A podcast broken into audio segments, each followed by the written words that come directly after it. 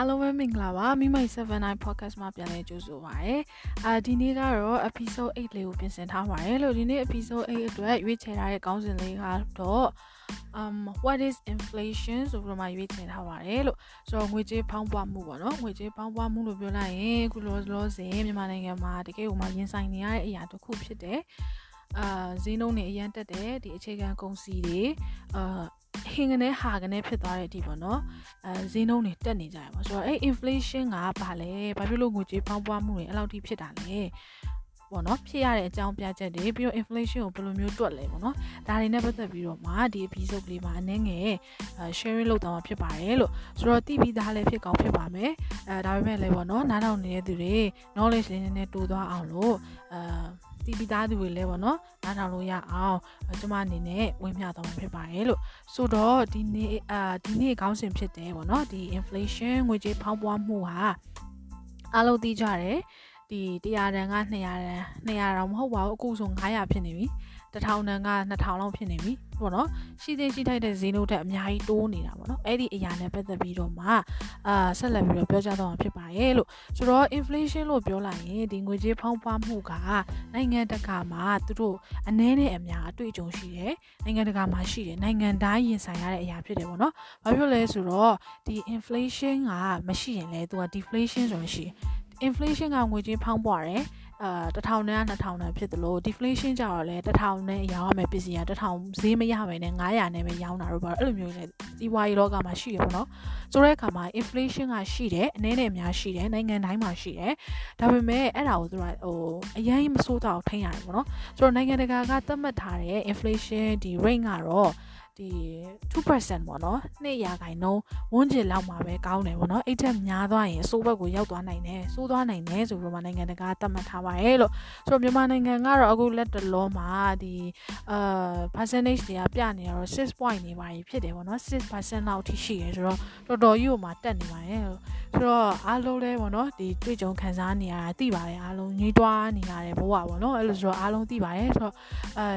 ရှေ့ဆက်ပြီးတော့ပြောပါမယ်လို့ဆိုတော့ အဲ့ဒီငွေကြေးဖောင်းပွားမှုဘာလို့ဖြစ်လဲဖြစ်ရတဲ့အကြောင်းရင်းကတော့အကြောင်းရင်းတွေရှိတယ်အများကြီးရှိတယ်အကြောင်းရင်းကတော့ပထမအကြောင်းရင်းတစ်ခုကတော့ supply နဲ့ demand ပေါ့နော်ဒီထုတ်ကုန်ရယ်ဒီဝယ်တဲ့သူရယ်မမျှတာပေါ့နော်ဆိုတော့ဘာလို့အဲ့ဒါပြန်ပြီးတော့မှရှင်းရရင်ဘယ်လိုမျိုးလဲဆိုတော့ဥမာဥပမာပေါ့နော်အခု အခုပြည်တွင်းမှာထုတ်နိုင်တဲ့ပစ္စည်းတွေရှိတယ်ဥပမာဆက်ပြားတွေထုတ်တယ်အာပြည်တွင်းစားတောက်တွေရှိရဒီအရာတွေရှိရဒီအရာတွေကိုလုံလုံလောက်လောက်ဒီပြည်သူတွေဝယ်စားလို့ရအောင်မထုတ်နိုင်တော့တဲ့အခါမှာရှိတဲ့မဖြစ်စလောက်ပဲကျန်တော့တဲ့နေရအရာပေါ့နော်ဥမာအရင်တော့ကအခု100ထုတ်နိုင်တယ်ဆိုအခု90ပဲထုတ်နိုင်တယ်ဆိုအဲ့90ကအဲ100လောက်ထုတ်နိုင်တဲ့ဈေးနဲ့မတူတော့ဘူးဘာဖြစ်လဲဆိုတော့ဝယ်မဲ့သူကများနေတယ်ဝယ်ခြင်းတဲ့ customer များနေတယ် consumer များနေတယ်ဒီထောက်ပံ့နိုင်တဲ့ ထုတ်လုပ်နိုင်တဲ့ဒီပစ္စည်းကနည်းနေတဲ့အခါမှာပစ္စည်းဈေးနှုန်းတက်သွားတယ်ပေါ့နော်အဲ့တစ်ချက်ရှိတယ်နောက်တစ်ချက်ကကြတော့ဒီ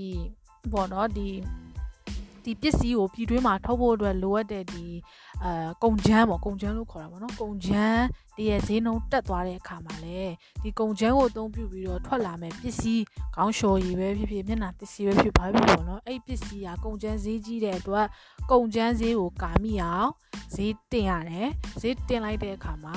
ဥမာအရင်တော့2000နဲ့ရအောင်အခု4000ဖြစ်သွားတယ်ပေါ့နော်ဆိုတော့ဒါငွေကြေးဖောင်းပွားတာပဲဆိုတော့အတိကပြောရမယ်ဆိုရင်ပြည်တွင်းမှာ GDP လို့ခေါ်တဲ့ ဒီဒီနိုင်ငံတနိုင်ငံတစ်နှစ်အတွင်းမှာဘယ်လောက်ထိထုတ်ကုန်ထုတ်နိုင်လဲပေါ့နော်အဲ့ဒါအဲ့ဒီ GDP ကျဆင်းသွားတဲ့အခါမှာမထုတ်လုပ်နိုင်တော့ဘူးအဲဒီနိုင်ငံမှာပဲဝယ်လို့ရတဲ့ပစ္စည်းတွေနိုင်ငံမှာထုတ်လုပ်လို့ရနေတဲ့ပစ္စည်းတွေကိုလုံလုံလောက်လောက်မထုတ်လုပ်နိုင်တော့ဘူးဈေးနှုန်းတွေတက်နေတဲ့အခါမှာအာဒီကိုကြီးဖောင်းပွားမှုတွေဖြစ်တယ်ပေါ့နော်ဥပမာပြောရရင်အခုဆိုရင်ပန်းသီးပန်းသီးပေါ့နော်ဒီအသီးဆိုင်တွေသွားတယ်ပန်းသီးသွားဝယ်တယ်ဒီချင်းပြည်အရင်တော့ချင်းချင်းပြည်နယ်ကရတယ်ပန်းသီးပေါ့နော်အဲ့ပန်းသီးကိုရန်ကုန်မှာစားရတယ် တထောင်မိုးနှလုံးရကောင်းရတယ်တခါလေလေညက်နေသွားဝယ်တထောင်မိုးသုံးလုံးတွေပိုင်းတော့ရတယ်ပေါ့နော်ဒါကတော့ရောင်းတဲ့သဘောမျိုးတရားပေါ့နော်ဆိုတော့အခုဆိုလုံးဝမရတော့လုံးဝမရောက်တော့ဘူးအခုနိုင်ငံရေးတွေဖြစ်ပျက်နေတယ်အမျိုးမျိုးတွေလှုပ်ဆောင်နေတဲ့အခါမှာမရတော့ဘူးပေါ့နော်ဒီပန်တီယာဘလို့မှရန်ကုန်ဆင်းလာဖို့အဆင်မပြေဘူးဆင်းလည်းမဆင်းနိုင်တော့လူတွေလည်းမလုံမလုံနိုင်တော့ဘူးစိုက်ပျိုးရေးလည်းမလုံနိုင်တော့ဘူး ထွက်ပြေးနေရတယ်ပေါ့နော်ဆိုတော့ဒီပန်းသီးဟာမရောက်လာနိုင်တော့တဲ့ခါမှာဝယ်စားဖို့မရှိတော့မရှိတော့ပန်းသီးနေရာမှာဘာတွေဝင်လာလဲဆိုတော့ဒီပေါ့နော်အမ်နိုင်ငံခြားကနေတင်သွင်းလာတယ်နိုင်ငံခြားကနေတင်သွင်းလာတဲ့ဘန်ဒီကနိုင်ငံခြားကလာတဲ့ကုန်ကြစရိတ်ရယ်ပြီးတော့ဒီပေါ့နော် exchange rate ရယ်ပေါင်းလိုက်တဲ့အခါမှာပန်းသီးတစ်လုံးကို1000 1000 1500 2000ကြည့်လိုက်တော့အကောင်းစားလည်းမဟုတ်ဟို သိရမလားအရင်တော့900နဲ့ရလောက်တဲ့အတန်ဟိုရလောက်တဲ့ပန်းသီးကို1000 1500ပေးဝယ်ရတယ်ပေါ့နော်ဆိုတော့တော်တော်လေးကိုမှဆိုပါတယ်မြန်မာနိုင်ငံမှာအခုအားလုံးလည်းပြောနေကြတယ်လေသမားတွေဒီကောက်ဆိုင်သမားတွေလေသမားတွေလဲမလုံနိုင်တော့ဘူးလဲလို့ဖို့သူတို့မှာမတင်ငွေလည်းမရှိတော့ဘူးမတင်ငွေလည်းမပေးနိုင်ဘူးအဲယောဂတွေလည်းဒီ COVID-19 ကလည်းတစ်မျိုးဒီဟိုနိုင်ငံရေးကလည်းတစ်မျိုးဆိုတော့လေဆိုတော့ စိုက်ပျိုးဖို့အဆင်မပြေတော့မစိုက်ပျိုးနိုင်တော့ဘူးလာမယ့်နှစ်တွေမှာမြန်မာနိုင်ငံမှာပတ်စံရှိရင်တော့ဆန်ဝင်နိုင်ဖို့ခက်တယ်ဆိုတော့မှလူတွေကခက်မှန်းချက်ထုတ်ကြရပါတော့ဆိုတော့ဟို online မှာတစ်ခေါက်တွေးခဲ့တယ် online မှာသူများတင်တာပေါ့နော်ဒီပတ်စံကြီးကိုချင်းလိုက်ကြီးမသွားပြီးတော့ဘာမို့ပါမုံတစ်စိတ်အတွက်ပတ်စံချင်းလိုက်ကြီးပေးရတယ်အဲအဲ့လိုမျိုးပေါ့နော်အဲ့လိုမျိုး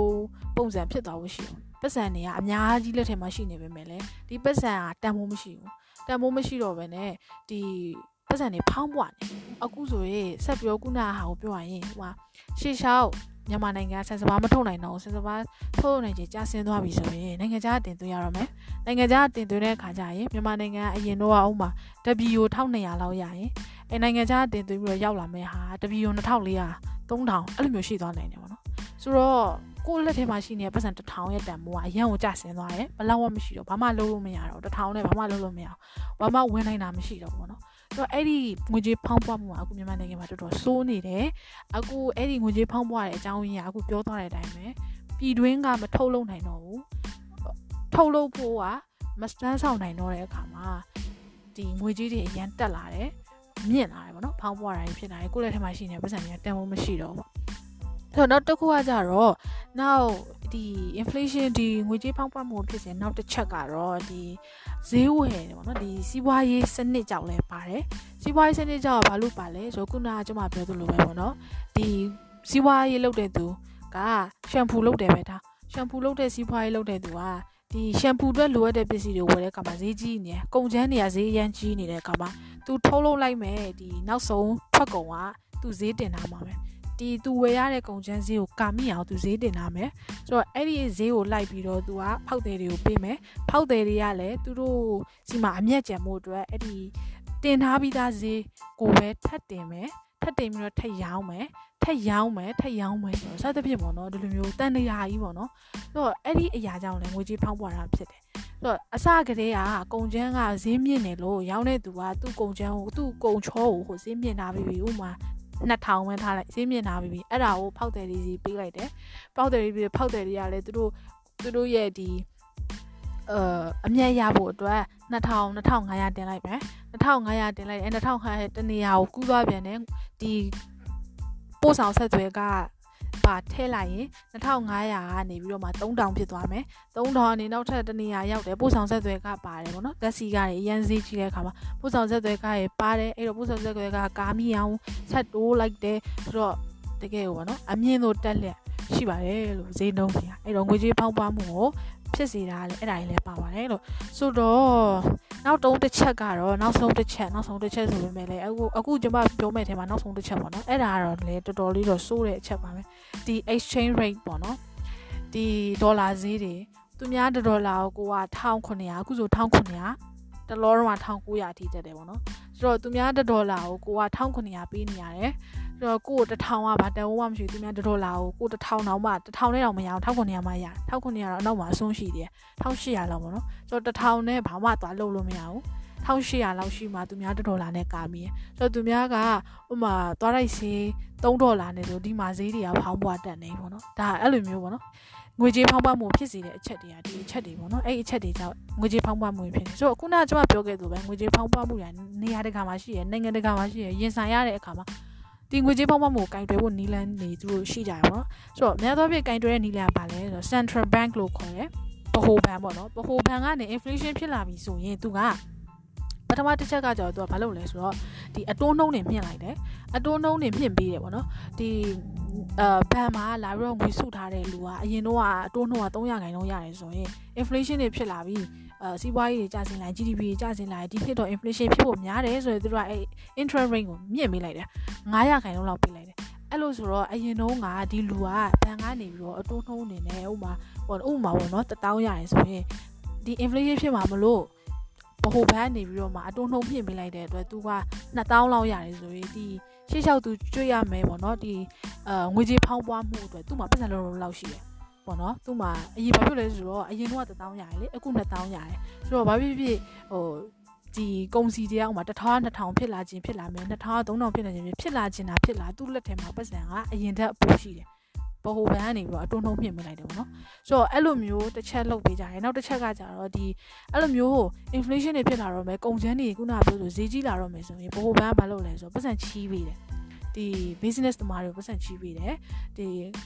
ဒီကုန်ပစ္စည်းတွေထုတ်လုပ်တဲ့သူတွေကိုပတ်စံချီးပေးတယ်ချီးပေးလိုက်တဲ့အခါမှာသူတို့မှာပတ်စံရှိသွားတဲ့အခါမှာကုန်ချမ်းတွေဈေးကြီးပေမဲ့လည်းသူတို့ရဲ့ဒီနောက်ဆုံး project ကုန်ချမ်းကိုဈေးမမျှလိုက်တော့ဘူးဘာဖြစ်လဲသူတို့မှာဘန်ကချီးပေးရပတ်စံရှိတယ်လေရှိတဲ့အခါမှာသူတို့ဈေးမမြင့်လိုက်တော့တဖြည်းဖြည်းနဲ့ဖြစ်လာမဲ့ inflation ကိုသူတို့ကပြန်ပြီးတော့မှ percentage ရော့အောင်လုပ်သွားနိုင်တယ်ပေါ့နော်လေပတ်သွားအောင်သူတို့လုပ်နိုင်တယ်ပြီးသွားရင်အဆင်ပြေသွားပြီဆိုအဲ့ဒီပတ်စံဟိုပြန်ပြီးတော့ဆက်တယ်ပေါ့နော်ဆိုတော့ဒီမှာတော့အဲ့လိုမျိုးလုပ်ဖို့ကဘန်မှာ အတုံးတုံးတိုးဖို့မပြောနဲ့ကိုစီမှာရှိနေတယ်ပတ်စံတောင်ကိုစိုက်ထားတယ်ကိုထည့်ထားတယ်ကိုပတ်စံတောင်သွားထုတ်ဖို့အတွက်ကအဲခေါင်းချက်ချလဲပြီးတော့သွားရတယ်ပေါ့နော်ပြီးတော့ဒီ wave money တွေ KP တွေကလည်း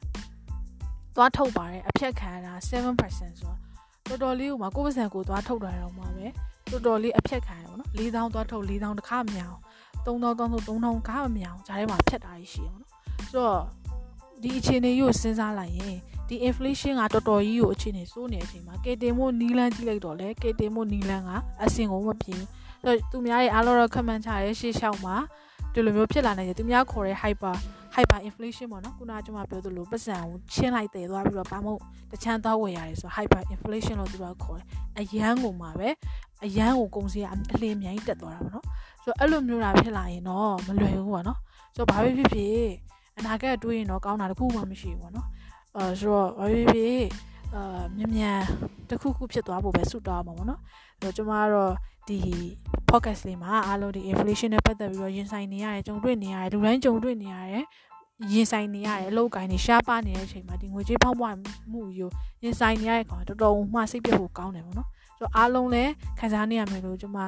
သိတယ်အားလုံးလည်း fighting လို့ပဲပြောချင်ပါတယ်လို့ကျွန်တော်ဒီ podcast လေးနားထောင်ပြီးတော့အာဒီဒီငွေကြေးဖောက်ပွားနဲ့ပတ်သက်ပြီးတော့เนาะတခုခုတည်သွားပြီဆိုရင်အဲကျွန်မအနေနဲ့အများကြီးကျင်းတော့ပါတယ်လို့ဆိုတော့ဒီနေ့ podcast လေးကတော့ဒီလောက်ပါပဲလို့နောက်မှပြန်တွေ့ပါမယ်လို့ bye bye